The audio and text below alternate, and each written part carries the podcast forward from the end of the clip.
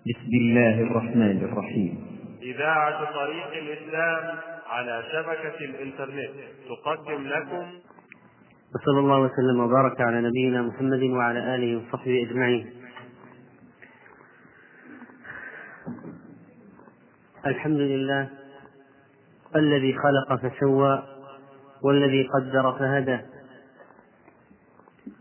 وصلى الله وسلم على رسول الله. الذي علمنا فأحسن تعليمنا وبعثه الله ليتمم مكارم الأخلاق وصالحها. أيها الإخوة السلام عليكم ورحمة الله وبركاته.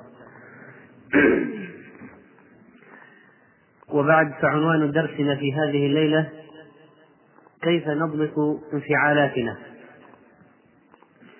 وهذا الموضوع موضوع مهم نظرا لأن الإنسان المسلم الذي يعيش في هذه الحياة يتعرض لكثير من الأمور التي تسبب انفعاله ولا بد له أن يعلم.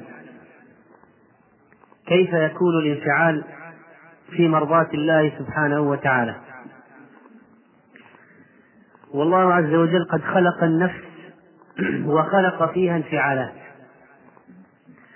فالنفس تحب وتبغض وترضى وتسخط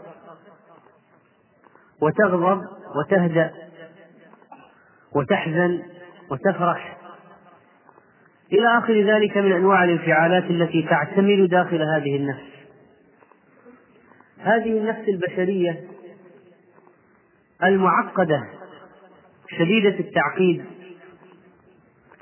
التي لم ينتهي العلماء علماء الطب وعلماء النفس من دراسة آثار الانفعالات في هذه النفس حتى اليوم. ولا زالوا يخرجون بنتائج جديدة وأبحاث متعددة في مجال هذه النفس. هذا المجال الواسع الرحب. وليس يعلم ما في هذه النفس إلا الذي خلقها. ولا يعلم حدودها وما يصلحها إلا الذي فطرها رب العالمين. ولذلك أيها الإخوة ينبغي أن نرجع في تعاملنا مع أنفسنا إلى القرآن والسنة. فإنه مهما أتى البشر بنظريات ونتائج وأبحاث وتجارب فلا يمكن أن يأتوا بمثل ما جاء في هذا القرآن وهذه السنة المطهرة. والله سبحانه وتعالى خلق آدم من قبضة من جميع من قبضة من جميع الأرض. خلق آدم من قبضة من جميع الأرض. فجاء بنو آدم على قدر ذلك. فكان منهم السهل والحزن. يعني الناس الذين تتميز أنفسهم بالسهولة والسلاسة والناس الذين تتميز أنفسهم بالشدة والصلابة بحسب التربة التي خلقوا منها. فناس أخذوا من تربة من أرض سهلة منبسطة فجاءت أنفسهم مثل التربة التي خلقوا منها. وناس خلقوا كان خلقهم من تربة من آدم المكون من جميع من قبضة من جميع التربة فجاء أولاد آدم على قدر هذه القبضة التي خلق الله آدم منها. فمن الناس من يكون في صلابتهم وشدتهم مثل صلابة الصخر وشدة الجبال ووعورة مسالكها كذلك وعورة أنفسهم. ولأن الأرض وتربة الأرض فيها الأبيض والأسود والأحمر والأصفر فهي مختلفة الألوان هذه التربة فمنها تربة سوداء ومنها تربة صفراء ومنها تربة بيضاء فجاء بنو آدم على قدر ذلك فكان منهم الأبيض والأحمر والأصفر والأسود وهكذا. إن الله خلق آدم من قبضة من جميع الأرض فجاء بنو آدم على قدر ذلك. فتأمل ما أخبر به عليه الصلاة والسلام ثم تأمل في الواقع. فستجدن انطباق ما أخبر به على الواقع انطباقا تاما ونفوس العباد إذا ليست سواء. وما يعترج في هذه النفوس ليس أمرا واحدا بل هو عدة أمور. ولذلك فشخصيات الناس أنواع. منها شخصيات تتميز بالهدوء والرزانة شخصيات تتميز بالحكمة شخصيات تتميز بالضعف شخصيات تتميز بالقوة شخصيات تتميز بضبط بالضبط بانضباط النفس شخصيات تتميز بالعصبية شخصيات تتميز بالعاطفية وشخصيات تتميز بالغضب وشخصيات تتميز بالهدوء. وهكذا من أنواع الخطوط المتقابلة الموجودة في النفس البشرية. ولذلك نجد من الناس من هو عصبي لا يستقر على حال فهو في قلق وتغير دائم. ومن الناس من يكون غضوبا ينفجر دون أدنى مقدمة.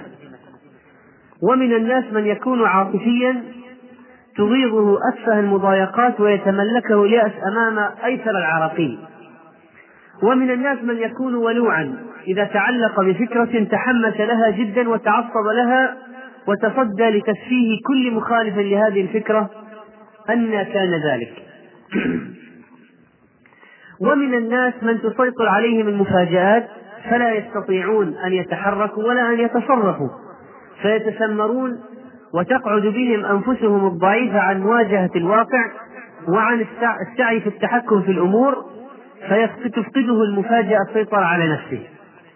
ومن الناس من يتبدل مزاجهم فجأة فتكون جالسا معه فتخطر بباله فكرة ثم تبدأ تتفاعل مع نفسه وتتحرك وتتحرك ثم يظهر عليه أنواع من الانفعالات مع هذه الفكرة ويستغرب الجالس لهذا التغير المفاجئ الذي حدث في الشخص مع أنه لم يقع في المجلس أي حادث يذكر إلا مجرد الفكرة التي طرأت في ذهن ذلك الشخص العاطفي. ومن الناس من ينجر بسهولة مع أفكاره ومع أحداث الساعة فينتقل فورا إلى العمل بسبب ما حصل له من الهياج دون أدنى تفكير. فتكون أفعاله ردات فعل لما يحدث في الواقع. ومن الناس من يكون رابط الجأش فيتلقى الصادمات ويدرس الوضع قبل أن يتخذ قرارا عمليا ويفكر قبل التنفيذ. ومن الناس من لا يستطيع كتمان الأخبار ولا حفظ الأسرار فهو في قلق فيسهل استخراجها منه مثل الناس الذين يتميزون بالعاطفية الشديدة. وبعض الناس عندهم أمزجة عصبية متقلبة وقد يحب إنسانا فيفرط في حبه ثم يتنكر له لسبب بسيط فيفرط في بغضه إلى أبعد الدرجات.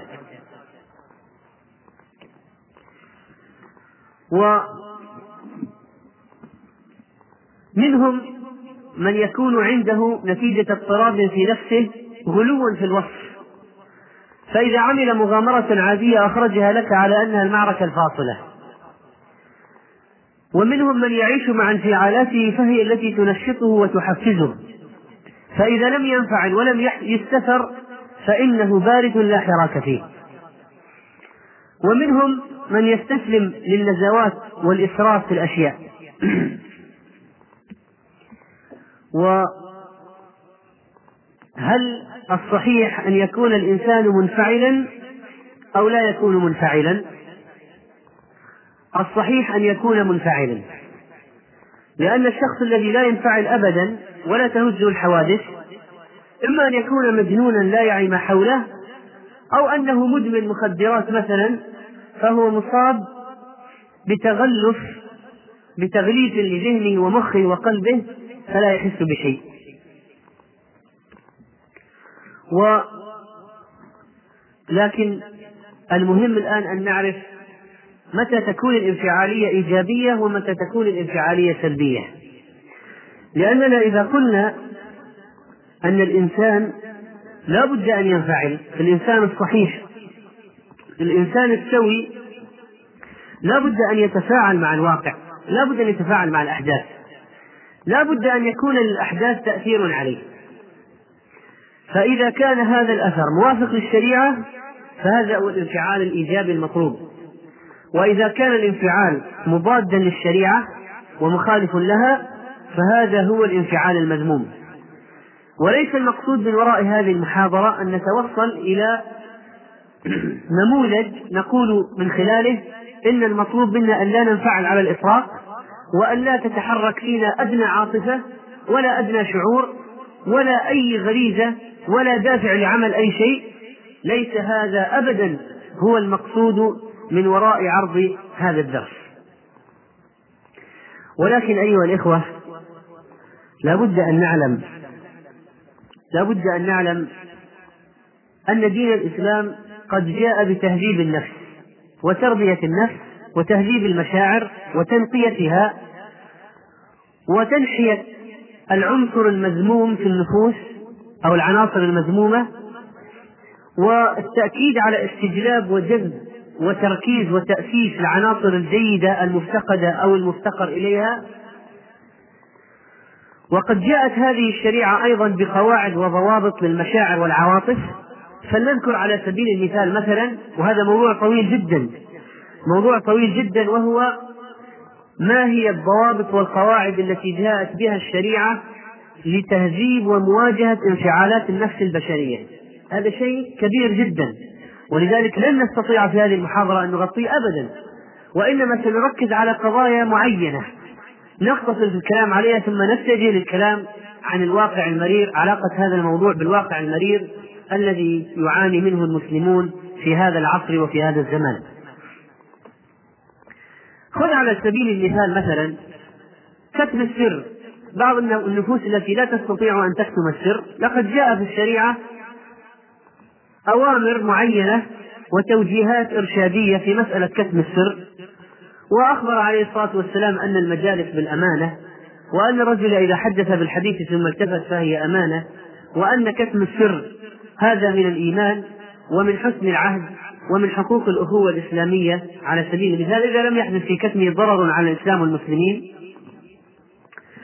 وإنك لا تدهش وتتعجب من يوسف عليه السلام لما قال له إخوته وهم لا يدرون من هو لما صار هو الحاكم في مصر على خزائن الأرض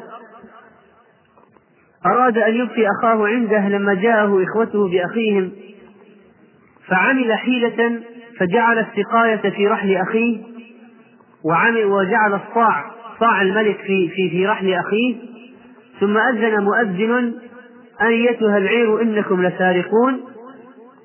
قالوا أقبلوا عليهم ماذا تفقدون؟ قالوا نفقد صواع الملك. المهم نفوا أن يكونوا سراق قالوا فتش فتشوا رحالنا فتشوا رحالهم.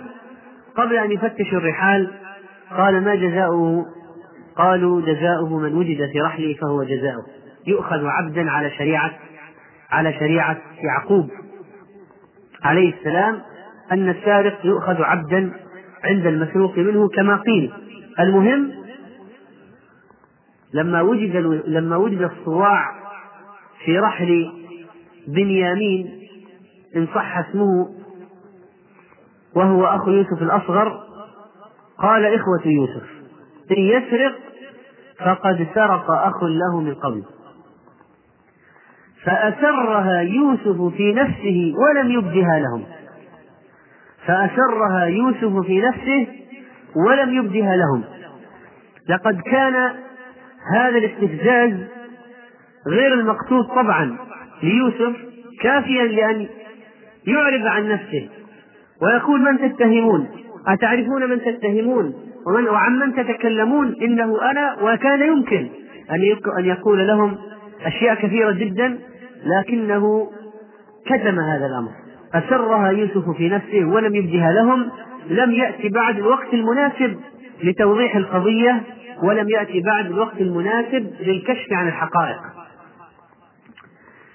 وإذا جيت مثلا إلى الأشخاص الانفعاليين الذين يحبون يحبون شخصا فيصعدون به إلى السماء ثم قد يبغضونه بعد ذلك فينزلون به إلى أسفل سافلين لوجدت في حديثه عليه الصلاة والسلام أحبب حبيبك هونا ما عسى أن يكون بغيضك يوما ما وأبغض بغيضك هونا ما عسى أن يكون حبيبك يوما ما. لعرفت أيها المسلم من هذا الحديث الصحيح قاعدة إسلامية جليلة في الاقتصاد في الاقتصاد في المحبة وعدم الإسراف في المشاعر. لأنك لا تدري عن تقلبات الزمان. وقد قد يصبح هذا الشخص يوم من الأيام قد يصبح العدو صديقا لك وقد يصبح الصديق عدوا لك طبعا بحسب الأطر الشرعية. فإذا ينبغي الاقتصاد وهذا درس في الاقتصاد في المشاعر. ونأتي إلى مثال واضح جدا يبين لنا موقف الإسلام من بعض الانفعالات أو أحد الانفعالات التي تكون في النفس البشرية. ألا وهو انفعال الغضب. لنبين من خلال هذا الشعور والانفعال الذي يحدث في النفس ما موقف الإسلام من هذه الانفعالات وكيف يندفع المسلم لضبط انفعاله هذا بضابط الشرع. الغضب انفعال يحدث في النفس لا شك في ذلك. فكيف كانت كان علاج الشريعة لهذا الانفعال؟ نأخذه مثالا نركز عليه لنبين لنبين أن في الشريعة علاجات كافية لهذه المشاعر هل الغضب مذموم دائما أو لا؟ إن المتتبع لسيرته عليه الصلاة والسلام يجد أنه صلى الله عليه وسلم كان حليما وكان متزنا ولكنه في بعض الأحيان يغضب غضبا شديدا صلى الله عليه وسلم. فهل لنا أن نتعرف على الغضب في الإسلام وكيف يواجه؟ كنموذج لموضوعنا في هذه الليلة. لا شك أن الغضب في الجملة خلق مذموم. الغضب في الجملة خلق مذموم. ولا شك أن هذا الغضب له أضرار كثيرة وعواقب وخيمة. ومن أجل ذلك جاءت الشريعة بعلاجات لهذا الغضب. وعلى هؤلاء الناس أصحاب الطبيعة الغضبية الذين يستفزهم الشيطان أن يتأملوا جيدا في علاج الشريعة لهذا الانفعال الحادث في النفس ويتعلموا كيف يضبطون كيف يضبطون انفعالهم هذا وهو انفعال الغضب. فمن الإجراءات الإسلامية التي جاءت لعلاج الغضب أولا تنفيذ وصيته صلى الله عليه وسلم. فقد ورد في صحيح البخاري عن أبي هريرة أن رجلا قال للنبي صلى الله عليه وسلم أوصني قال لا تغضب ردد ذلك مرارا. كل ذلك يقول عليه الصلاة والسلام لا تغضب لا تغضب لا تغضب وهكذا. وفي رواية لأحمد قال قال الرجل ففكرت حين قال النبي صلى الله عليه وسلم ما قال فإذا الغضب يجمع الشر كله فإذا الغضب يجمع الشر كله. فإذا أردت أن تهذب نفسك من الغضب فعليك بتنفيذ وصيته عليه الصلاة والسلام. ثانيا أن تعلم الحافز لترك الغضب. وهذا الحافز قد يكون ميزة دنيوية بينها عليه الصلاة والسلام في حال الرجال الأفاضل أو ميزة وثواب أخروي يكون لمن ملك نفسه عند الغضب. فمثلا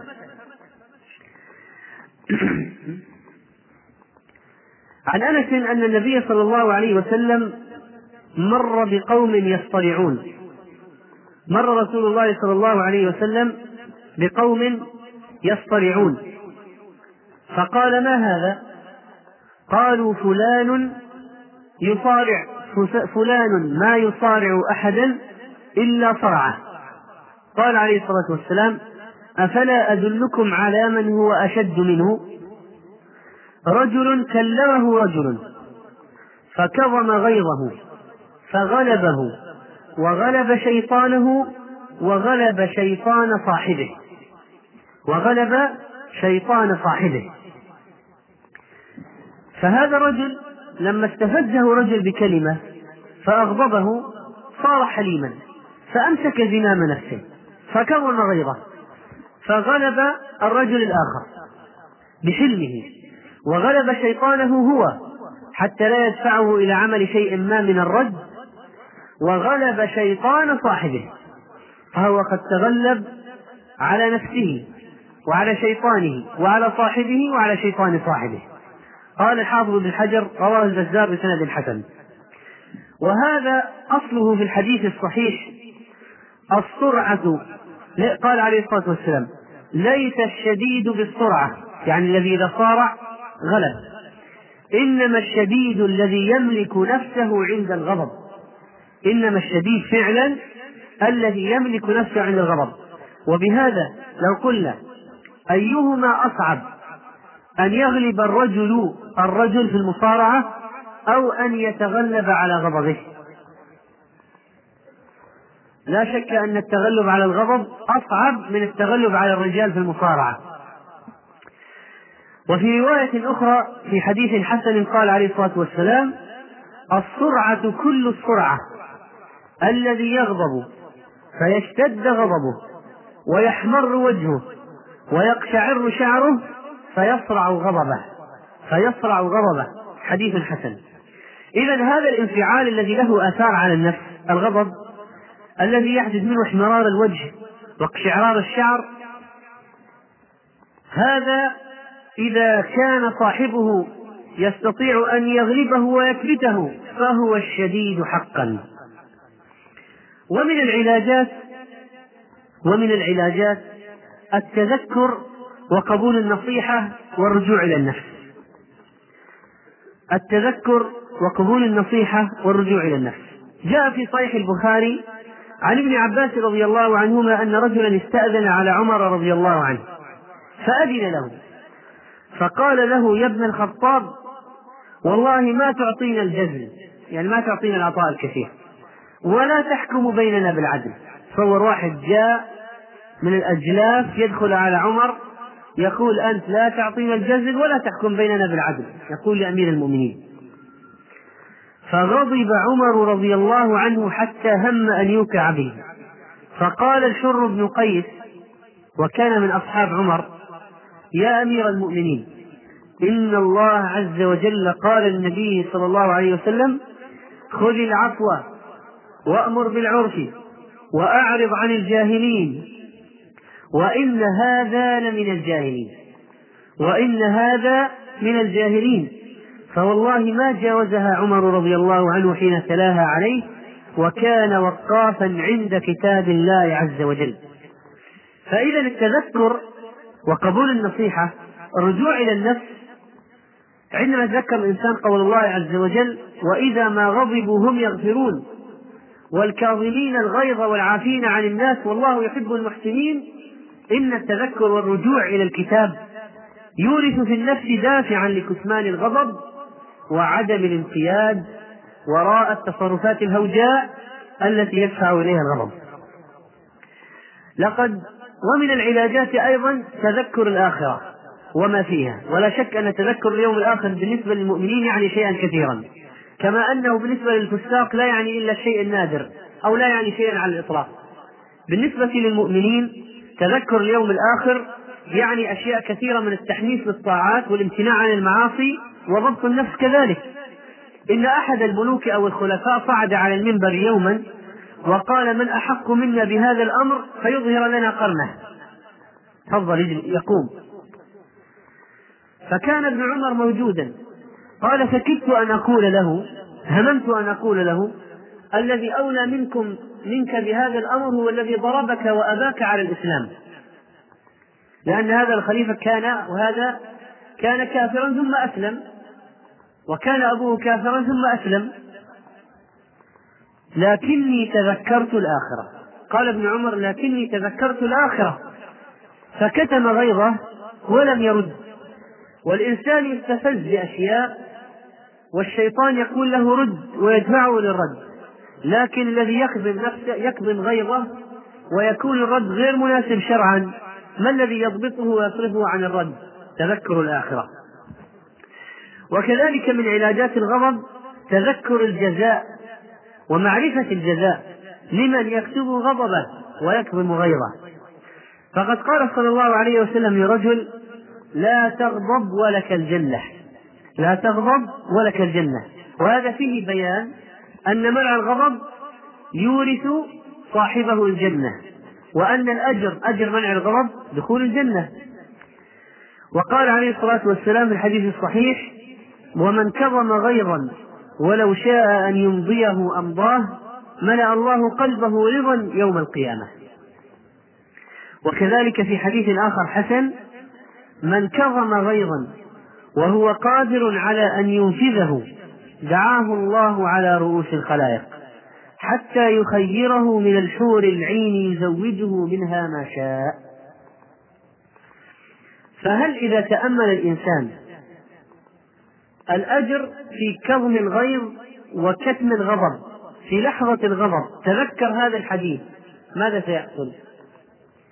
من كتم غيظا وهو قادر على أن ينفذه دعاه الله على رؤوس الخلائق حتى يخيره من الحور العين يزوجه منها ما شاء.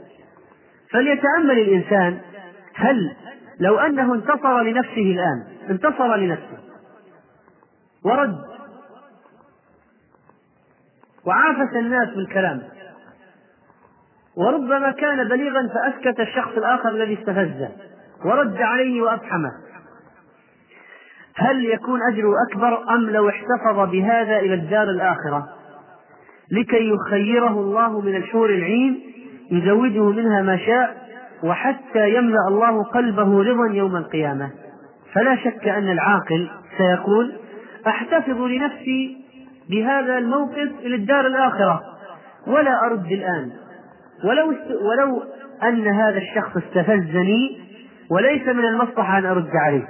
لو من المصلحة أرد عليه رددت عليه. لو أنه من أعداء الإسلام أو رجل يثير شبهات لأسكته. نصرة لدين الإسلام ورفعا للراية. لكن كثيرا من الشباب والناس في مجالسهم تحدث بينهم مناقشات ومخاصمات.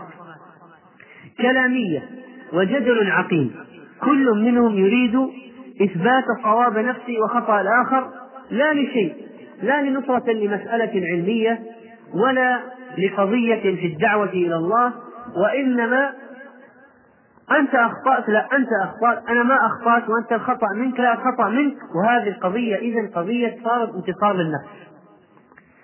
فإذا صارت المسألة انتصار للنفس فليتأمل العبد إذا بدلا من ضياع الأوقات وازدياد الحمق والغيظ عليه في نفس أخيه واستهلاك كل منهما لجهد الآخر ليتأمل أي شيء؟ ليتأمل الأجر الموجود في الدار الآخرة. دعاه الله على رؤوس الخلائق حتى يخيره من الحور العين يزوجه منها ما شاء. إنه لأجر عظيم فعلا. جدا. أجر كبير جدا يدفع فعلا كثيرا من الناس وبالذات الشباب في مجالسهم إلى تجنب الخصومة والمراء والجدل العقيم ومحاولة إفحام أخاه المسلم وإثبات خطأ الآخر والانتصار لنفسه وتبرئة نفسه وهكذا من الأشياء التي لا يترتب في الدفاع فيها شأن يذكر. ومن علاجات الغضب خامسا أو سادسا تبين مساوئه ومعرفة ماذا ينتج عنه من الأضرار. ماذا ينتج عن الغضب من الأضرار. ينتج عن الغضب أضرار كثيرة جدا سواء كانت للنفس في النفس أو في الآخرين أو على الآخرين. فمما يحدث على الآخرين إليك هذا المثل العجيب. من صحيح الإمام مسلم رحمه الله تعالى. عن علقمة بن وائل أن أباه رضي الله عنه حدثه قال إني لقاعد مع النبي صلى الله عليه وسلم إذ جاء رجل يقود آخر بنسعة حبل مضفور علقه في رقبة غريمه وجاء يجره إلى الرسول صلى الله عليه وسلم. فقال يا رسول الله هذا قتل أخي. فقال رسول الله صلى الله عليه وسلم للمجرور قال أقتلته؟ فقال صاحب الدم إنه لو لم يعترف أقمت عليه البينة. فقال الرجل المتهم الذي في رقبته الحبل قال نعم قتلته. قال كيف قتلته؟ قال كنت أنا وهو نختبط. يعني نضرب الشجر ليسقط ورقة فنأخذه علف للدواب كنت أنا وهو نختبط من شجرة. نختبط من شجرة. فسبني فأغضبني فضربته بالفأس على قرنه فقتلته. فسبني فأغضبني. بيده فأس. أداة حادة قاتلة. فضربته بالفأس على قرنه يعني على جانب رأسه فقتلته فنتج نتج الغضب عن أي شيء نتج عن قتله لأخيه المسلم. فقال له صلى الله عليه وسلم هل لك من شيء تؤديه عن نفسك؟ لو شفعنا لك يعني عندك دية تؤديها؟ قال ما لي إلا كسائي وفأسي. قال فترى قومك يشترونك. قال أنا أهون على قومي من ذاك. فقال عليه الصلاة والسلام دونك صاحبي خذ يا ولي الدم خذ الحبل اذهب به. ليقتص منه يعني قصاص القتل. فانطلق به الرجل فلما تولى قال رسول الله صلى الله عليه وسلم إن قتله فهو مثله. فرجع فقال يا رسول الله إنه بلغني أنك قلت إن قتله فهو مثله وأخذته بأمرك. فقال رسول الله صلى الله عليه وسلم أما تريد أن يبوء باسمك واسم صاحبك؟ ما يكفيه ما تكتفي أن عليه اسم اسم القتيل اسم القتل الذي قتل قتل القتيل واسمك أنت يعني اسمك الذي لأنه فجعك بقتل أخيك فصار عليه اسم فجع فجعك أنت صار عليه صار عليه اسمان قال يا نبي الله بلى. قال فإن ذاك كذاك قال فرمى بنسعته وخلى سبيله. فسبحان الله كيف يدفع إذا الغضب إلى أفعال عني إلى أفعال عجيبة ومنها تصل إلى القتل وهذا يحدث كثيرا جدا نزغة من نزغات الشيطان. ولذلك لا ينبغي للإنسان يشير على أخيه بحديدة ولا يتعاطى السيف مسلولا ولا يغضب في أي مجلس ويكون فيه معه أي أداة من الأدوات التي قد تقتل أو تجرح. وقد يضرب بيده فيعمل أشياء عجيبة. وبين العلماء آثار الغضب على النفس فقالوا من آثاره تغير اللون وشدة الرعدة في الأطراف. وخروج الأفعال عن الترتيب. تصير أفعال هوجاء واستحالة الخلقة وتعاطي فعل المجانين المجانين. ولو رأى الغضبان صورته في حال غضبه وقبحها لو التقطت له صورة أو رأى نفسه في المرأة وضعت مرآة ليرى حاله وهو غضبان لأنف لنفسه من تلك الحال. ومعلوم أن قبح الباطن أعظم. وقد يكثر وقد يطلق وكثير من حالات الطلاق نتيجة الغضب التي لا رجعة فيها أحيانا. الطلقة الثالثة أكثر حالات الطلاق الآن نتيجة غضبة يغضبها الإنسان من نزغات الشيطان. على لسان فيأتي الشيطان على بالطلاق على لسانه فيطلق. والطلاق الطلقة الثالثة الطلاق مرتان. فإمساك بمعروف أو تسريح بإحسان إذا كانت رجعية مرتان رجعيتان. أما الثالثة فليست رجعية. وكثير من الذين طلقوا زوجاتهم ندموا بسبب أي شيء بسبب الغضب. فإذا عليهم أن يتمالكوا أنفسهم عند الغضب. ويثور ويحمر. يحمر وجهه وعيناه. ولسانه ينطلق بالشتم والفحش.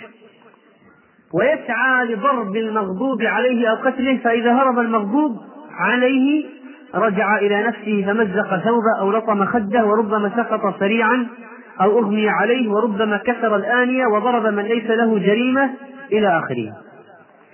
أما هذا هذا كلام علمائنا في في كتبهم كتب الأخلاق الإسلامية. والأطباء يقولون تجلط الدم وارتفاع الضغط وزيادة سرعة النبض وزيادة إفراز العرق وضربات القلب ومعدل النفس ويؤدي إلى القرحة والجلطة إلى آخره. فإذا الغضب على أي حال أضراره شنيعة جدا في النفس وفي الآخرين. فمن علاجات الغضب إذا أن يتأمل سلبية الغضب وما ينتج عنه. ومن علاج الغضب كذلك التعوذ بالله من الشيطان الرجيم.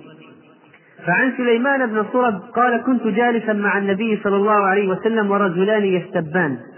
وأحدهما قد احمر وجهه وانتفقت اوداجه فقال رسول الله صلى الله عليه وسلم إني لاعلم كلمة لو قالها لذهب عنه ما يجد. لو قال أعوذ بالله من الشيطان الرجيم ذهب عنه ما يجد.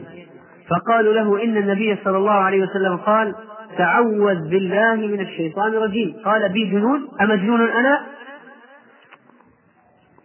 فإذا كان الإنسان فيه نفاق والعياذ بالله أو فيه تمرد ولو قيل له ذكر بالله ما يذكر لا يذكر الله.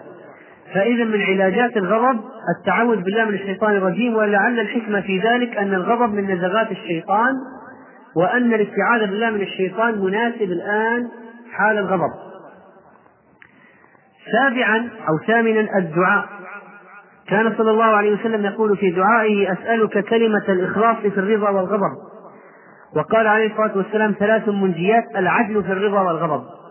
فإذا الإنسان يسأل الله عز وجل في دعائه أنه أنه يعدل ويقول الحق كلمة الحق في الغضب وفي الرضا.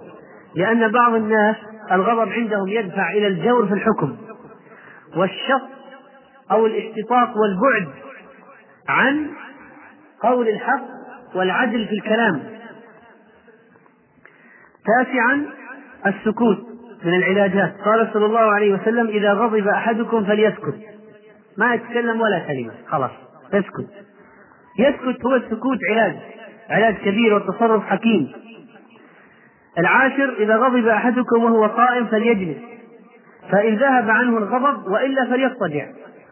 فإذا كان قائما فليجلس. وإذا كان جالسا وغضبان جالس فليضطجع. يكون ألصق بالأرض. أنزل مستوى ممكن. لأنه كلما كان في الارتفاع والأعلى كلما كان قابل للتصرف والهيجان. والحركة الهوجاء. فإذا يحاول أن يسعى لأن يكون في أقل وضع ممكن. فيسكت ويجلس أو يضطجع إذا لزم الأمر. مع الاستعاذة بالله عز وجل من الشيطان كما قال صلى الله عليه وسلم إذا غضب رجل فقال أعوذ بالله سكن غضبه. فهذه تقريبا عشرة أمور تتبع لمواجهة الغضب والانفعال الذي يحدث في النفس البشرية. هل المطلوب من الإنسان المسلم أن لا يغضب أبدا ولا في أي حالة من الحالات؟ طرحنا هذا السؤال في بداية عرض هذا الموضوع وإليكم هذا الجواب. الإمام البخاري رحمه الله تعالى عقد بابين متتاليين في كتاب الأدب من صحيحه. قال في الباب الأول باب ما يجوز من الغضب والشدة لأمر الله تعالى. فقال في الباب الذي يليه باب الحذر من الغضب. باب الحذر من الغضب. فتبين إذن أن هناك غضبا محمودا شرعا. أن هناك غضب محمود شرعا وهو الغضب إذا انتهكت محارم الله. الغضب لأجل دين الله عز وجل. الغضب إذا أريد على أمر من أمور على أمر من أمر من أمر الدين. كان عليه الصلاة والسلام إذا إذا غضب احمرت وجنتاه. فقد كان عليه الصلاة والسلام يغضب. توضح عائشة رضي الله عنها هذا الغضب وأين يكون موقعه فتقول في حديث في حديث مسلم وما انتقم رسول الله صلى الله عليه وسلم لنفسه إلا أن تنتهك حرمة الله فينتقم لله بها. من أجل الله نعم. من أجل النفس لا. فتبين الآن متى يكون الغضب مذموما ومتى يكون محمودا؟ يكون مذموما إذا كان انتصارا للنفس للنفس لأجل النفس. ويكون محمودا إذا كان انتصارا لله عز وجل. وهذا الغضب من أجل الله غضب محمود. قال الله عز وجل ومن يعظم حرمات الله فهو خير له عند ربه. ومن تعظيم حرمات الله أنك لا ترضى بالمنكر. وتغضب لو انتهكت حرمات الله أمامك. تغضب لا بد أن تغضب. وقد قال رجل مرة إني لا أتأخر عن صلاة الصبح من أجل فلان مما يطيل بنا. فما رأيت النبي صلى الله عليه وسلم غضب في موعظة قط أشد مما غضب يومئذ. فقال يا أيها الناس إن منكم منفرين. فأيكم أما بالناس فليتجوز فإن من ورائه الكبير والصغير وذا الحاجة. متفق عليه. ولما رأى مثال آخر حدث آخر في مناسبة أخرى. لما رأى عليه الصلاة والسلام سترا فيه صور من ذوات الأرواح في في في بيت عائشة وحجرة عائشة هتكه وتلون وجهه وقال يا عائشة أشد الناس عذابا عند الله يوم القيامة الذين يضاهون بخلق الله. ولما كلمه أسامة في شأن المرأة المخزومية التي سرقت لكي لا تقطع قال أتشفع في حد من حدود الله تعالى؟ ثم قام فاختطب ثم قال إنما أهلك من قبلكم أنهم كانوا إذا سرق فيهم الشريف تركوه وإذا سرق فيهم الضعيف أقاموا عليه الحد غضب جدا عليه الصلاة والسلام. غضب. لما جاء واحد يشفع في حد من حدود الله. ولما رأى نخامة في قبلة المسجد حكها وشق ذلك عليه حتى رؤي في وجهه صلى الله عليه وسلم. وعن زيد بن خالد الجهني أن النبي صلى الله عليه وسلم سأله رجل عن اللقطة. فقال اعرف وشاءها وعصاصها ثم عرفها سنة ثم استمتع بها فإن جاء ربها فادفعها إليه. فسأله عن الغنم ضالة الغنم قال خذها فإنما هي لك أو لأخيك أو للزيت قال فضالة الإبل فغضب صلى الله عليه وسلم حتى احمرت وجنتاه. فقال ما لك ولها؟ معها سقاؤها وحذاؤها ترد الماء وترعى الشجر فذرها حتى يلقاها ربها يعني صاحبها. فغضب فعنون عليه الإمام البخاري رحمه الله باب الغضب في الموعظة والتعليم إذا رأى ما يكره. وروى أيضا حديث أبي موسى قال سئل النبي صلى الله عليه وسلم عن أشياء كرهها مثل متى الساعة متى الساعة ونحو ذلك. فلما أكثر عليه غضب ثم قال للناس سلوني ما شئتم إلى آخر الحديث فلما رأى عمر ما في وجهه عليه الصلاة والسلام قال يا رسول الله إنا نتوب إلى الله عز وجل. وأخرج هذا حاله عليه الصلاة والسلام. فكيف حال أصحابه؟ أخرج ابن أبي شيبة بسند حسن عن أبي سلمة بن عبد الرحمن قال لم يكن أصحاب رسول الله صلى الله عليه وسلم منحرفين ولا متماوتين وكانوا يتناشدون الأشعار في مجالسهم ويذكرون أمر جاهليتهم فإذا أريد أحدهم على شيء من دينه دارت حماليق عينيه فإذا أريد أحدهم على شيء من دينه دارت حماليق عينيه وفي رواية للبخاري في الأدب المفرد فإذا أريد أحدهم على شيء من أمر الله دارت حماليق عينيه كأنه مجنون. قال الألباني وهذا سند حسن. فهذا يدل على أن الصحابة إذا أريد أحدهم على أمر على أمر من دين الله إذا صارت المسألة انتهاك حرمات الله إذا صارت المسألة الآن قضية دين فإن أحدهم لا يرضى بالباطل أبدا. إذا أريد أحدهم أن يفعل باطلا أو على الباطل أو لأمر باطل دارت حماليق عينيه كأنه مجنون. فلا بد إذا من الغضب. الغضب لكن الغضب لمن؟ الغضب لله عز وجل. وقد هذه الغضبة المحمودة التي أخرجت خلفاء وأمراء الجيوش إلى قتال الأعداء بسبب كلمة يستغيث بها مسلم بإخوانه فيخرج الجيش والخليفة والمسلمون للقتال غضبة لله تعالى. غضبة لله تعالى. ودفاعا عن دينه. وحمية ونصرة لهذا الدين. ومن الأمور المهمة كذلك في معالجة الانفعالات التصبر والتحلم. والصبر هو الخلق الذي يكاد يكون اعتماد ضبط الانفعالات عليه. ومدار تهذيب النفس وتقييد الانفعالات على الصبر. عن ابن مسعود رضي الله عنه قال كأني أنظر إلى رسول الله صلى الله عليه وسلم يحكي نبيا من الأنبياء صلوات الله وسلامه عليهم ضربه قومه فأدموه وهو يمسح الدم عن وجهه ويقول اللهم اغفر لقومي فإنهم لا يعلمون. اللهم اغفر لقومي فإنهم لا يعلمون. هذا هو الخلق العام الذي ينبغي أن نؤسسه في أنفسنا لضبط الانفعالات. الصبر والتحلم. الصبر بالتصبر والحلم بالتحلم. والرسول عليه الصلاة والسلام لقي ما لقي. وعرض حتى خرج يعرض نفسه على عبد ياليل هذا الذي رفض أن يجير رسول الله صلى الله عليه وسلم وينصره فانطلق عليه الصلاة والسلام هائم على وجهه من المصيبة والضغط والشدة. حتى لقي ملك الجبال قال إن الله أرسلني إليك إذا أردت أن أطبق عليه من أخشبين ما بين جبليها فيهلكون جميعا. ولكنه عليه الصلاة والسلام كان حليما صبورا على قومه. قال لعل الله يخرج من أصوابهم من يعبد الله.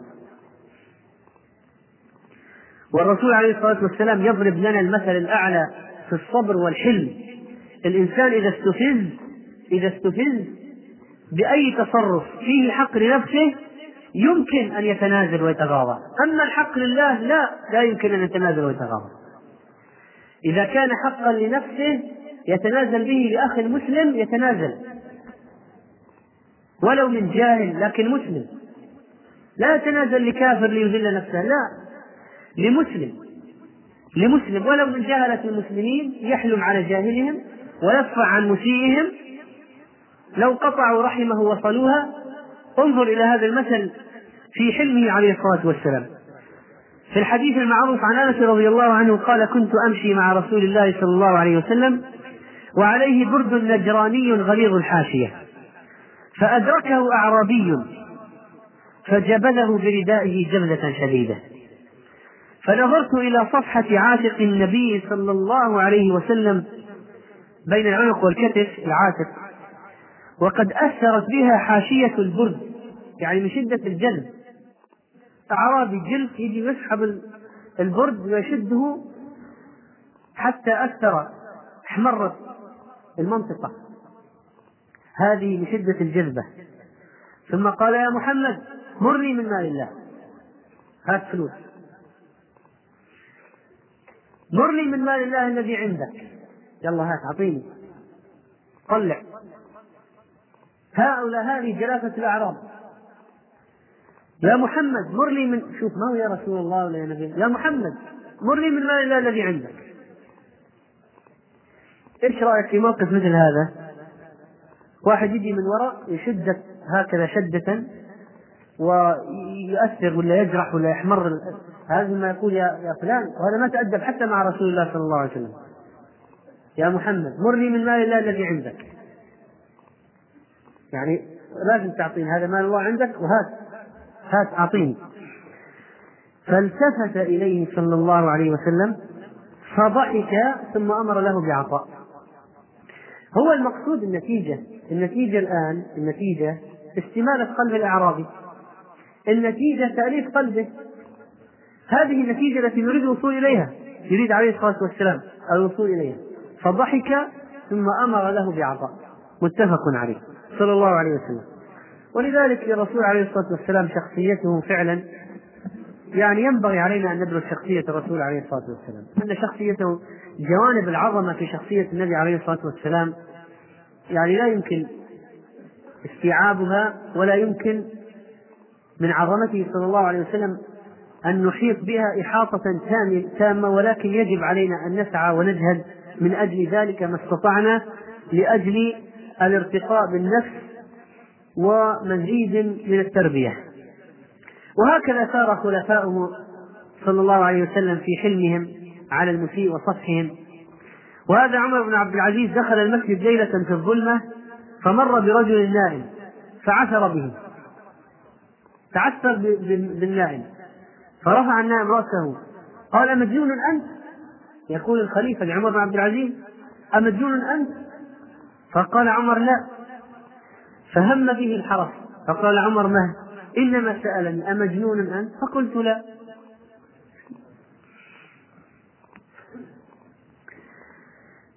وبعد عرض هذا المثل وهو الغضب وما هو الموقف أو ما هو الخلق المهم وهو خلق الحلم والصبر في مجابهة الانفعالات. نأتي الآن إلى الجزء الثاني من هذا الدرس وهو ما هو موقف المسلم من الأحداث التي تعصف بالمسلمين اليوم والتي فيها عدد كبير وهائل جدا من الاستفزازات التي تكاد تخرج الفرد المسلم عن صوابه. وتطيش ويطيش به عقله ويذهب في عدد من الأوجية والمهاوي. وماذا نريد من المسلم؟ هل نريد منه أن يكون رجلا باردا؟ لا يتحرك فيه انفعال أبدا ولا يثور في نفسه شيء مطلقا تجاه ما يحدث من قضايا العالم الإسلامي اليوم؟ إن المسلمين يعانون في العالم أفرادا وجماعات من الاضطهاد والتعذيب وقضايا الفقر وهيمنة الأعداء والتسلط وأنواع الظلم وسلب الحقوق إنهم يعانون من الظلمة الذين يسوسونهم بغير شرع الله. وتعم مدنهم وبلدانهم المنكرات ويراد منهم بالقوة أن ينحرفوا عن شرع الله. وكلما رفع بعضهم رأسه جاءت ضربة لتذهب بهذه الرؤوس المرفوعة.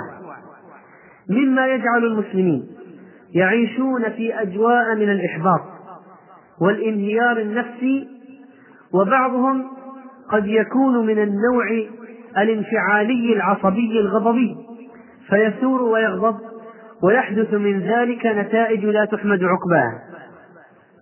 فما هو موقف المسلم حيال ذلك؟ هل المطلوب تجاه كثرة المنكرات الشائعة وتوالي حدوث وتوالي حدوث الأحداث التي يدبرها المنافقون والعلمانيون في العالم الإسلامي وغيرهم من أذناب الكفار. هل المطلوب هو برود تام وعدم إحساس ولا تفاعل أم أن المطلوب ثورة وهيجان ضد هذا الظلم. إن هذه القضية هي التي تشغل بال الحريصين والمتفقهين في الدين من المصلحين المخلصين في العالم الإسلامي اليوم. وإن هذه القضية هي لب المشكلة التي يعيش فيها إن فهمها يسهل معرفة الموقف الصحيح من المشكلات التي يواجهها المسلمون اليوم. وإن من الخطأ الكبير أن نقول للمسلمين ولشباب ولشباب المسلمين بالذات الذين هم إلى الحركة والنشاط أقرب بردوا أنفسكم. بردوا أنفسكم ولا تأبهوا لما يدور حولكم. وإن الله سينصر الدين فلا تكترثوا كلا والله. إن هذا الكلام هو من اللغو والباطل. وإنه ليس من الصحيح أن تستقبل متحمسا ينقل إليك منكرا من المنكرات أو يشكو إليك ظلما من هذه المظالم الكثيرة التي تقع بالمسلمين صباحا ومساء أن تقول له برد نفسك واجلس في بيتك ولا ولا ولا تتدخل في أي شأن من الشؤون. وإنما يكون من المناسب أن يؤخذ بيده فيقال له. تعال ننظر في الوسيلة المناسبة لمواجهة هذا المنكر. ثم تفكر معه بالوسيلة المناسبة لمواجهة هذا المنكر الذي يحدث. لأنك عندما تقول برد نفسك ولا تشتغل بشيء فإما أن يدفعه ذلك إلى الإحباط وهذا أمر لا نريده أو يدفعه ذلك إلى التمرد والهياج والانصراف عنك والسخرية من حكمتك التي جاءت في غير محلها مما يدفعه إلى التفكير في قضية من قضايا العنف أو استخدام القوة المذمومة في غير محلها فتكون أنت السبب الذي أديت به إلى تلك الحال. ولذلك أيها الإخوة نحن اليوم على أعتاب مرحلة جديدة ونتطلع لفجر قادم بإذن الله. وإن هذه الظلمة التي ادلهمت واشتدت وإن كثرة المنكرات التي حصلت والتي تستفز نفوس المؤمنين فعلا لا بد من معرفة الموقف حيالها وقد بينا أنه لا بد أن ننفعل وأن الذي لا ينفعل هو إنسان بارد لا نريده أبدا وإن الذي لا يتحرك ضميره ولا قلبه مع مشكلات المسلمين وما يحل بهم ومع الأوضاع المتردية هو إنسان لا يعيش هم الإسلام ولا يستطيع أن يحمل هم الإسلام وهو بهذا القلب البارد وهذه النفس الميتة. لكن ما هو الموقف؟ اليوم وأنت ترى كلا الاحتمالين الخطيرين الإصابة بالإحباط والقعود أو التدهور في مهاوي العنف واستخدام القوة المرذولة غير محمودة العواقب. كيف يصل شباب الإسلام إلى الحل الوسط إلى الوسطية في مواجهة هذه الأمور؟ كيف يضبطون انفعالاتهم التي تحدث في أنفسهم من وراء تكرر المنكرات وكثرة حصولها وانتشارها؟ وكلما حدثت قصة ظهرت قصة جديدة وكلما قام حدث لا يلبث إذ انتهى أن يقوم حدث آخر. وهكذا تتوالى الأخبار من أنحاء العالم الإسلامي في عدد من حالات الأذى والاضطهاد التي يلاقيها المسلمون من منع وقمع وحيالة بينهم وبين القيام بشرع الله عز وجل. فما هي الطريقة يا ترى؟ وما هو الحل لأجل ذلك؟ أيها الإخوة إن هذا هو ما نريد أن نلقي عليه الضوء في بقية الحديث في هذه الليلة.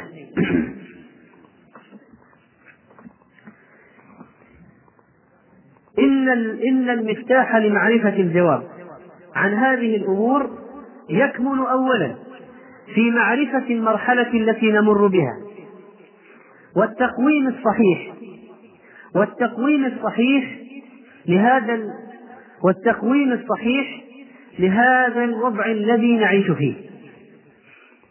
هل نحن هل نحن في مكان أو في وقت أو في مرحلة لا نستطيع فيها قول الشهادة على الإطلاق؟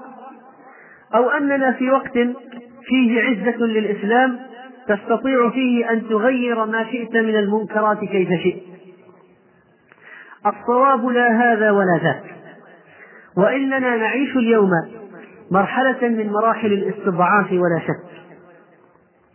وإن الهيمنة للكفرة ولا شك ولكننا نوقن بأن الله ناصر دينه ومعز أولياءه ومظهر سنة نبيه صلى الله عليه وسلم.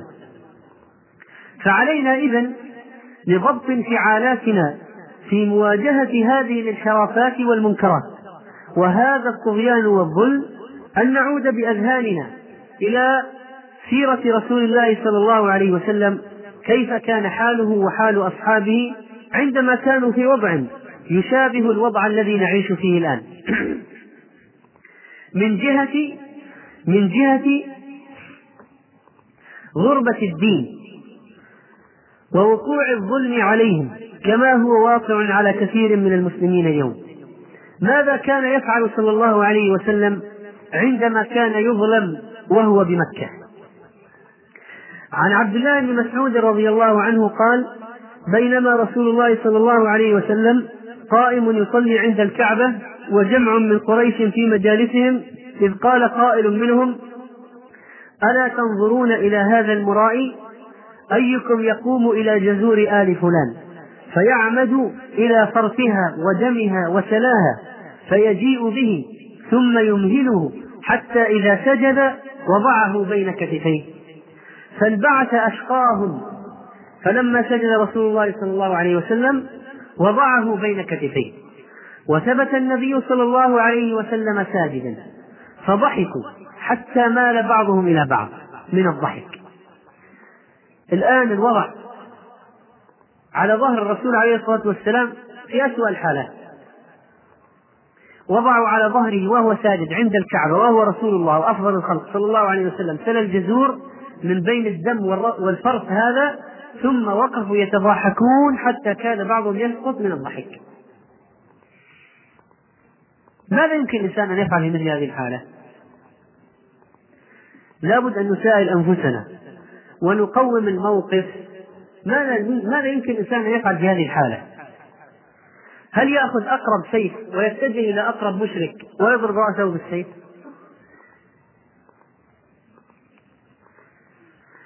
لم يكن المسلمون الذين شاهدوا الحادثة بعاجزين أن يتجه واحد منهم إلى أقرب مشرك ويضربه بالسيف. أو يقطع رقبة الذي وضع السل الجزور على ظهر الرسول عليه الصلاة والسلام. لكنهم لم يفعلوا ذلك. فانطلق منطلق إلى فاطمة وهي جويرية صغيرة فأقبلت تسعى وثبت النبي صلى الله عليه وسلم ساجدا حتى ألقته عنه وأقبلت عليهم تسبهم. فلما قضى رسول الله صلى الله عليه وسلم إذا الإنكار كان من فاطمة الصغيرة بالقول. هذا الذي تستطيعه. فلما قضى رسول الله صلى الله عليه وسلم الصلاة قال اللهم عليك بقريش. فأنكرت عليهم فاطمة ودعا عليهم رسول الله صلى الله عليه وسلم. هذا كل ما حصل. هذا كل ما حصل. تحمل الأذى صلى الله عليه وسلم. قال له أبو لهب تبا لك سائر اليوم ألهذا جمعتنا؟ ما قال اخرس يا كذا. الوضع لا يسمح بذلك. جاء في بعض الأحاديث أن أصحاب بيعة العقبة الثانية تحمسوا تحمسوا رأوا أنهم نصروا رسول الله صلى الله عليه وسلم وبايعوه في مكة فتحمسوا وأخذتهم الحمية. قالوا إن أردت أن نغير على أهل منى غدا لو أمرتنا الآن نغير عليهم في الليل ونعمل فيهم قتلا. قال عليه الصلاة والسلام إنا لم نؤمر بذلك. هذا الحديث طبعا هو فيه كلام من رواية هو من رواية ابن إسحاق عن عن معبد بن كعب عن أخيه عبد الله بن كعب بن مالك. لكن فيه معنى مفيد ومهم للوضع الذي تعايشه الدعوة اليوم. تحمل عليه الصلاة والسلام الأذى لما كان مستضعفا. وحتى لما صار في المدينة القاعدة ما دام أن الرد ليس في مصلحة الإسلام لم يرد. كم مرة أذاه عبد الله بن أبي بن سلول؟ كم مرة؟ وكم بلغ شر هذا الرجل؟ أوقع بين فئتين من المسلمين حتى اقتتلوا وقذف عائشة حتى صار الخبر الإفك في المدينة وأوذي عليه الصلاة والسلام في ذاته. ماذا فعل عندما انخذل في أحد؟ ربما بعدد انخذل بعدد كبير من الجيش. فعل أشياء طامات كبيرة. لكن ما كانت المصلحة في قتله. لو قتله لقال الناس إن محمدا يقتل أصحابه فصار ذلك سدا ومانعا من الدخول في الدين بالنسبة للناس البعداء الذين لا يعرفون حقائق الأمور وإنما يظهر لهم عبد الله بن أبي رجل من المسلمين. ثم محمد يقتله صلى الله عليه وسلم قال لا يتحدث الناس أن محمدا يقتل أصحابه. لما صارت المسألة عدم قتل الرجل ليس في مصلحة الإسلام ما قتله عليه الصلاة والسلام مع أن الرجل كان له شر كبير مستطير.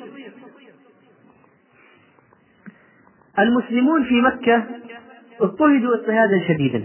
أخذهم المشركون وألبسوهم أدراع الحديد وصهروهم في الشمس. لا شك أنه كان يمكن اغتيال بعض الكفار في مكة لكن ما هي الفائدة؟ كانوا يضربون أحدهم ويجيعونه ويعطشونه حتى ما يقدر أن يستوي جالسا من شدة الضر الذي نزل به. فكيف واجه عليه الصلاة والسلام هذه القضية مع أصحابه؟ بثلاثة أشياء. أولا كان يذكرهم بالأجر الذي ينتظرهم ويقول صبرا آل ياسر فإن موعدكم الجنة. ثانيا كان يقص عليهم من أنباء ما قد سبق ما هو مشابه لمرحلتهم وظروفهم التي يعيشون فيها. فكان يقول لهم إن الرجل كان يؤتي من كان قبلكم يؤتى ينشر بمشار الحديد ما بين لحمه وعظمه ما يصد ذلك عن دينه. وقصة أصحاب الأخدود من أروع الأمثلة الدالة على هذا المبدأ. ثالثا كان يذكرهم أن المستقبل الإسلام ويقول والله ليتمن الله هذا الأمر حتى يسير الراكب من صنعاء إلى حضرموت ما يخاف إلا الله والذئب على غنمه. ونحن اليوم في أشد الحالات في أشد الاحتياج إلى هذه الأمور التي يتربى عليها أبناء الإسلام.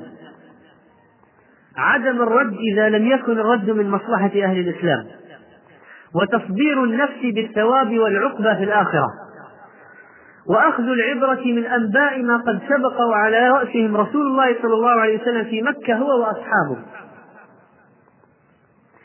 وأن نتيقن أن المستقبل للإسلام المستقبل للإسلام ولا شك الإسلام في طريق العودة إلى حياة المسلمين رغم جميع الضربات الإسلام الآن في تقدم مستمر على جميع الأصعدة.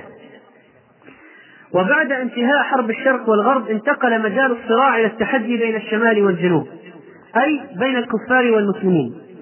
وصحيح أن المسلمين لا يملكون سلاحا للمواجهة والتحدي يحصل به نوع نوع من الموازنة بين القوى. ولكن ماذا يملك المسلمون من الأشياء التي تستثير الكفار فعلا؟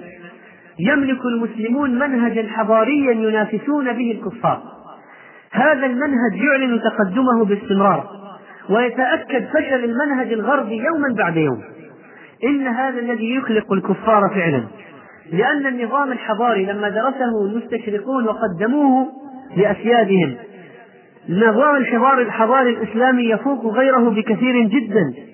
وهذا ما سيقلع العالم بعد فترة من الزمن. أولئك الناس يخططون ويعرفون أن حضارتهم أنتجت الجنون والأمراض العصبية والنفسية والانتحار والمجاعات والربا ازداد ازديادا بحيث فقر الفقير جدا واغتنى الغني غناء فاحشا وعرفوا بأن هذه الأمراض التي تفتك بهم بالملايين بالملايين الأمراض. يقول لك الآن موجود في تلك البلد مليون ونصف بالإيدز الآن. في عام 2000 سيصل العدد إلى كذا ربما إلى 40 مليون مصاب بالإيدز. وبعد كذا سنة سيموت هؤلاء لأن هذا لأن هذه الدراسات التي يعملونها ممكن تنهار حضارتهم بالمرض فقط من غير حرب تنهار الحضارة ولا يحتاج إلى شيء ممكن تنهار بالمرض فقط. ممكن. الله عز وجل على كل شيء قدير. فهم يعلمون أن عند المسلمين حضارة نظام حضاري هائل وقوي وعالي جدا. ويعلمون أن حضارة الإسلام أفضل من حضارتهم. وأن هذا العلم بالدنيا الذي اكتشفوه جعل لهم ميزة من التفوق لن يقمد طويلا وأنه سينهار. فنحن اليوم بأمس الحاجة إلى أن نعرف أن المستقبل الإسلام كعلاج نهدئ به أنفسنا في موازنة الانفعالات التي تحدث وتمنعنا ونحن نسير على يقين بأن المستقبل لنا بإذن الله.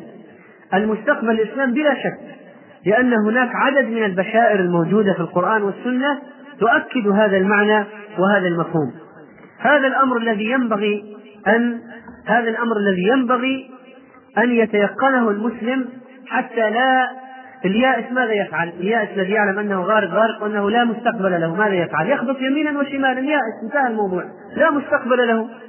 فعلي وعلى اعدائي انتهت القضية. لكن ليس هذا وضع المسلمين. لو كنا نعلم بأن المستقبل بالنسبة لا مستقبل الإسلام إنه خلاص المسألة الإسلام إلى زوال إلى الزوال خلاص صارت المسألة تقتل أي كافر تنتهي القضية. خلاص ما دامت المساله ما فيها مسألة. لكن القضية أننا نعلم يقينا أن المستقبل الإسلام وأن الله ناصر دينه وأن هذه فترة مرحلية ستنتهي بالتأكيد قطعا. وأن تساقط تساقط الحضارات والمجتمعات الكبيرة جدا يعني دلالة قاطعة وبقاء الإسلام لاحظ وبقاء الإسلام نصري على الإسلام. في أفكار بادت وانتهت وراحت صارت نسيا منسية. ونظريات راحت زالت. وبقي الإسلام موجودا في الواقع. رغم المحاولات الكثيرة والحملات المتعددة إلا أن الإسلام بقيت جذوره موجودة. ماذا يعني هذا؟ بل إنه في ازدياد كما تدل عليه الحوادث الجارية الآن. في ازدياد الإسلام في ازدياد. والمسلمون في ازدياد وتقدم من الوعي وغيره. عددا وكما وكيفا في ازدياد. فمعنى ذلك أننا لا حاجة إلى أن نخبط خط عشواء ونحن نعلم أن المستقبل لنا. إذا كنا نحن جيل الصحوة فأولادنا جيل النصر إن شاء الله. ولن نيأس وربما نرى النصر في حياتنا فما يجرينا.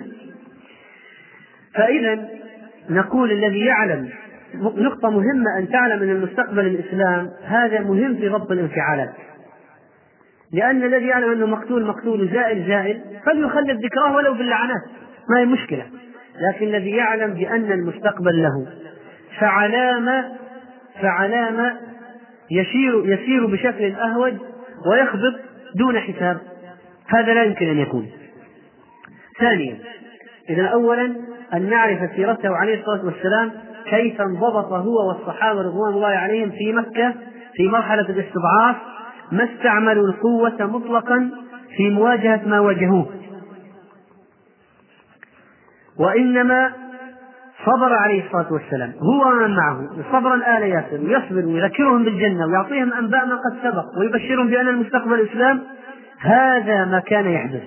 هذا الذي كان يحدث عمليا إذا هذا الذي كان يحدث عمليا في مكة.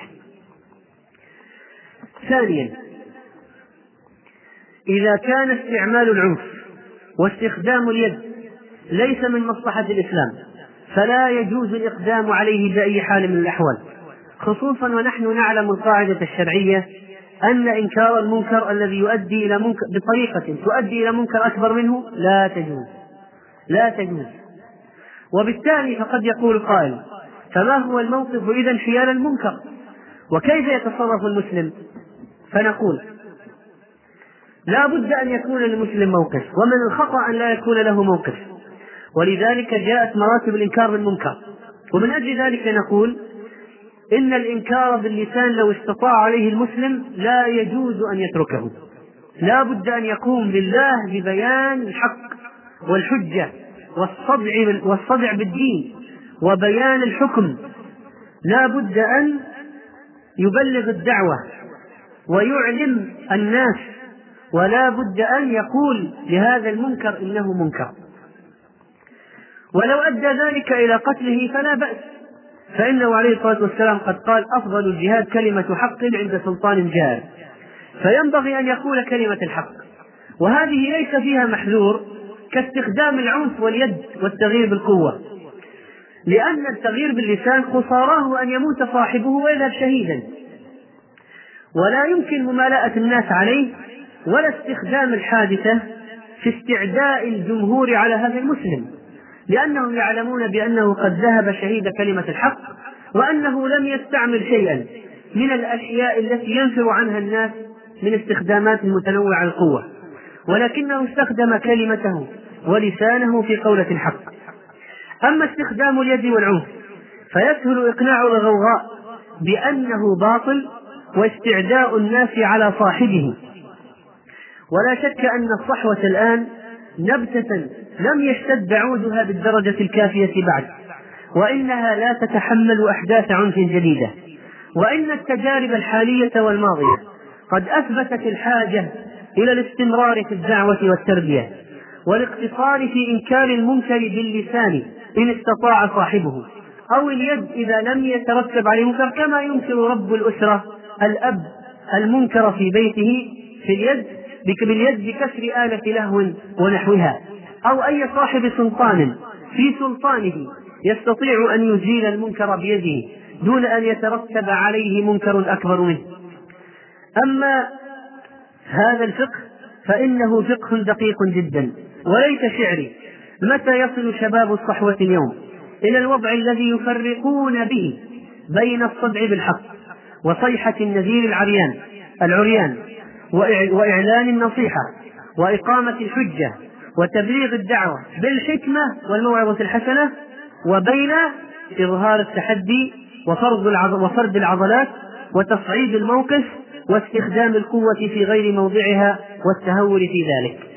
لو أن شباب المسلمين فقهوا الفرق بين القضيتين وعرفوا بأن المناصحة والإنكار باللسان بالحكمة والموعظة الحسنة هو الدور المناسب المطلوب في هذه المرحلة وأن استخدام العنف لا يجدي شيئا بل يعود بالضرر لعلموا ماذا يصنعون وفي أي اتجاه يتحركون.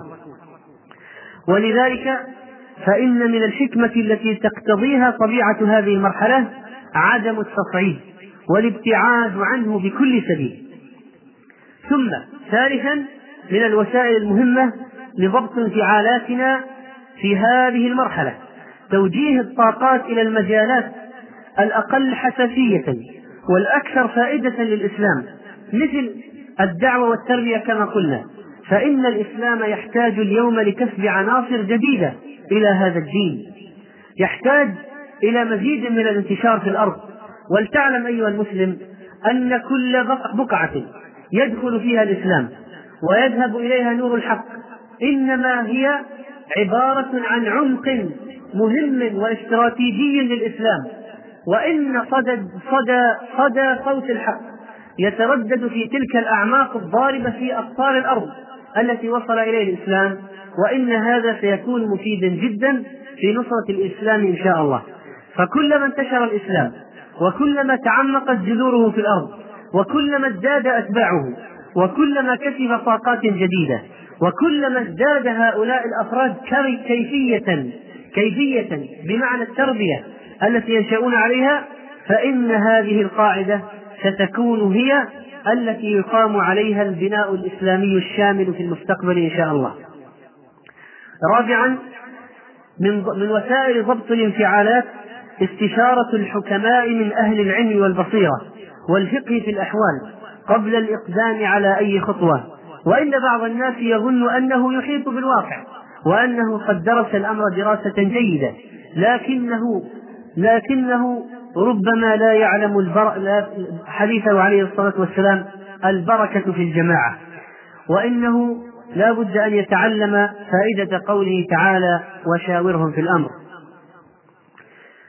وخامسا إننا نحتاج إلى الصبر وحبس النفس حبسا عما يمكن أن يؤدي إلى المهلكة وإلى شيء لا يكون فيه فائدة للإسلام والمسلمين بل ربما الضرر وكذلك لا بد أن نفهم وهو الأمر السادس المهم في التحكم في انفعالاتنا عند الإقدام على أي خطوة هل المسلمون على مستوى المواجهة وفتح جبهات جديدة أم لا؟ لا شك بأن الأمر يحتاج إلى مزيد من الصبر. وما دام الإسلام في في الانتشار فلماذا العجلة؟ وما دمنا نرى الآن أن هذه الصحوة تعم وتشمل وتدخل بيوتا ويخرج الله أقواما من من الضلالة إلى الهداية ومن الظلمات إلى النور. فنحن إذا نرى أثر الدعوة إلى الله واضحا ونرى أثر التربية. في قيام أناس وظهور أناس من أهل العلم والفقه في الأحوال. ما دمنا نرى أن التربية ولدت لنا كل هذه العناصر. فلماذا اللجوء إلى حلول أخرى لا يكون فيها لا يكون فيها فائدة كما نرى من التجارب المتلاحقة الموجودة؟ فاسأل نفسك ما المصلحة في الإقدام على أي, أمر من الأمور؟ فإذا, فإذا قالت لك نفسك إن فيه نجاحا فكر هل هو نجاح جزئي؟ أم هو نجاح شامل؟ هل سيترتب عليه مصلحة للإسلام أكبر أم المفسدة ستكون فيه أكبر؟ قد يخطر لبعضهم أن يتخلص من بعض الأشرار. فنقول إن الأشرار كثر فإن ذهب بعضهم جاء البعض الآخر. ثم ثامنا فكر ما هي المضرة وما هي المفسدة التي ستنتج عن ذلك. ولتعلم يا أخي المسلم أن قطع الطريق على الأعداء في توظيف أحداث العنف لتشويه سمعة الدعاة عند الناس هو مخطط معروف. وإن من أمنيات أعداء الإسلام أن يخرج المسلمون عن اتزانهم وأن يسهل استربابهم ونرفزتهم واستثارتهم ليقوموا بما لا تحمد عقباه. وإن وإنه وإنه ينبغي علينا أن نتأسى بسيرة صحابة رسول الله صلى الله عليه وسلم في حبس النفس في المواقف الحرجة. إن النفس تميل أحيانا إلى العجلة وإلى التخلص من أي شيء فيه عداء للإسلام. لكن تعال معي وانظر في هذه الحادثة التالية. روى الإمام مسلم رحمه الله تعالى في صحيحه. عن يزيد التيمي قال كنا عند حذيفة فقال له رجل لو أدركت رسول الله صلى الله عليه وسلم قاتلت معه وأبليت فقال له حذيفة أنت كنت تفعل ذلك؟ لقد رأيتنا مع رسول الله صلى الله عليه وسلم ليلة الأحزاب في ليلة ذات ريح شديدة وقر. فقال رسول الله صلى الله عليه وسلم ألا رجل يأتيني بخبر القوم يكون معي يوم القيامة فلم يجبهم منا أحد. ثم الثانية ثم الثالثة مثله. ثم قال يا حذيفة قم فأتنا بخبر القوم. فلم أجد بدا إذ دعاني باسمي أن أقوم. فقال ائتني بخبر القوم ولا تذعرهم علي. ولا تذعرهم علي. قال فمضيت. كأنما أمشي في حمام. مع أن الجو كان بارد جدا حتى أتيتهم. فإذا أبو سفيان وانتبه معي الآن الشاهد من القصة. فإذا أبو سفيان يصلي ظهره بالنار. وكان أبو سفيان مشرك وقائد المشركين. حذيفة دخل متسلل في الليل ودخل في عسكر المشركين. فلمح أبو سفيان ويعرف شكله. فإذا أبو سفيان يصلي ظهره بالنار يعني قريب وظهر النار يعني لكي يتدفى. فوضعت سهما في كبد قوسي وأردت أن أرميه. فرصة الآن تخلص من زعيم المشركين؟ فرصة. فوضعت سهما في كبد قوسي وأردت أن أرميه. ثم ذكرت هذا التربية ما هي نتيجتها ثمرتها؟ الإنسان يتذكر ما ما ما يكون أعمى في وقت التنفيذ إنما يكون مبصر. ثم ذكرت قول رسول الله صلى الله عليه وسلم لا تذعرهم علي. كانت الأوامر واضحة من الرسول عليه الصلاة والسلام. قال قال قال حذيفة ولو رميته لأصبته. أنا متأكد أنني لو رميته لتخلصت منه وقتلت لأصبته. لكن ما فعل ما فعل ما كان في مصلحة من هذا الفعل. فرجعت كأنما أمشي في حمام. كأنما أمشي. الآن ربما المشركون يتهيئون للرحيل والريح شديدة. لكن لو قتل زعيمهم ربما تقوم تقوم لهم حمية فيذعرون وتحدث أشياء أخرى. فرجعت كأنما أمشي في حمام. وأنت إذا تأملت أيضا لواقع المسلمين في مكة لعلمت بأن الحكمة كانت دائما معهم في عدم استخدام القوة في المواجهة وليس هناك تكافؤ. عمر رضي الله عنه لما قيل أنه قاتل المشركين في مكة ولكن ما قاتلهم بالسلاح انه قاتلهم بيديه.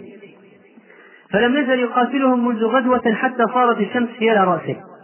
قال وأعي وقعد فدخل عليه رجل قيل أن هذا الرجل هو العاص بن وائل السهمي دافع عن عمر ورد عنه القوم. قال عمر يومئذ يا أعداء الله والله لو قد بلغنا بثلاثمائة لقد أخرجناكم منها. هو يعلم عمر يقدر الموقف جيدا.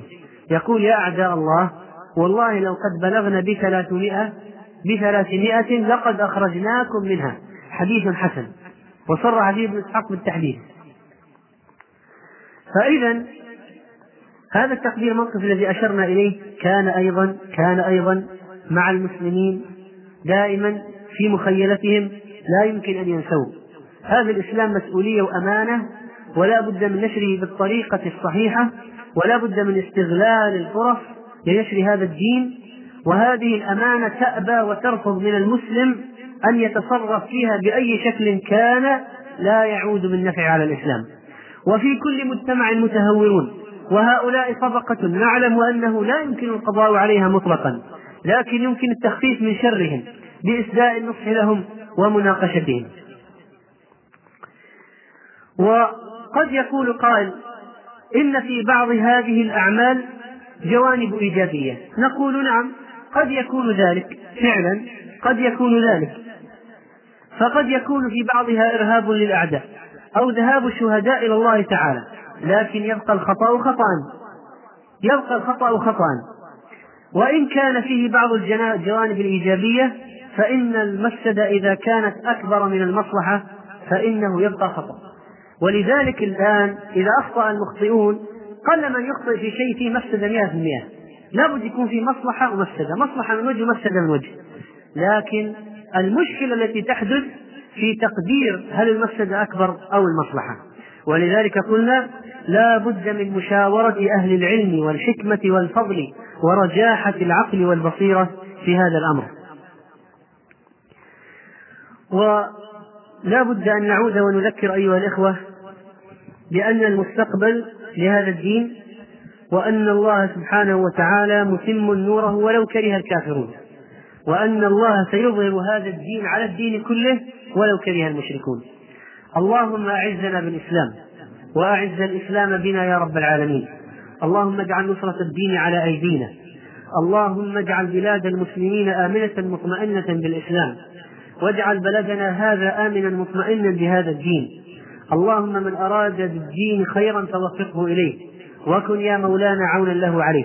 ومن أراد بدينك شرا فاردد كيده في نحره.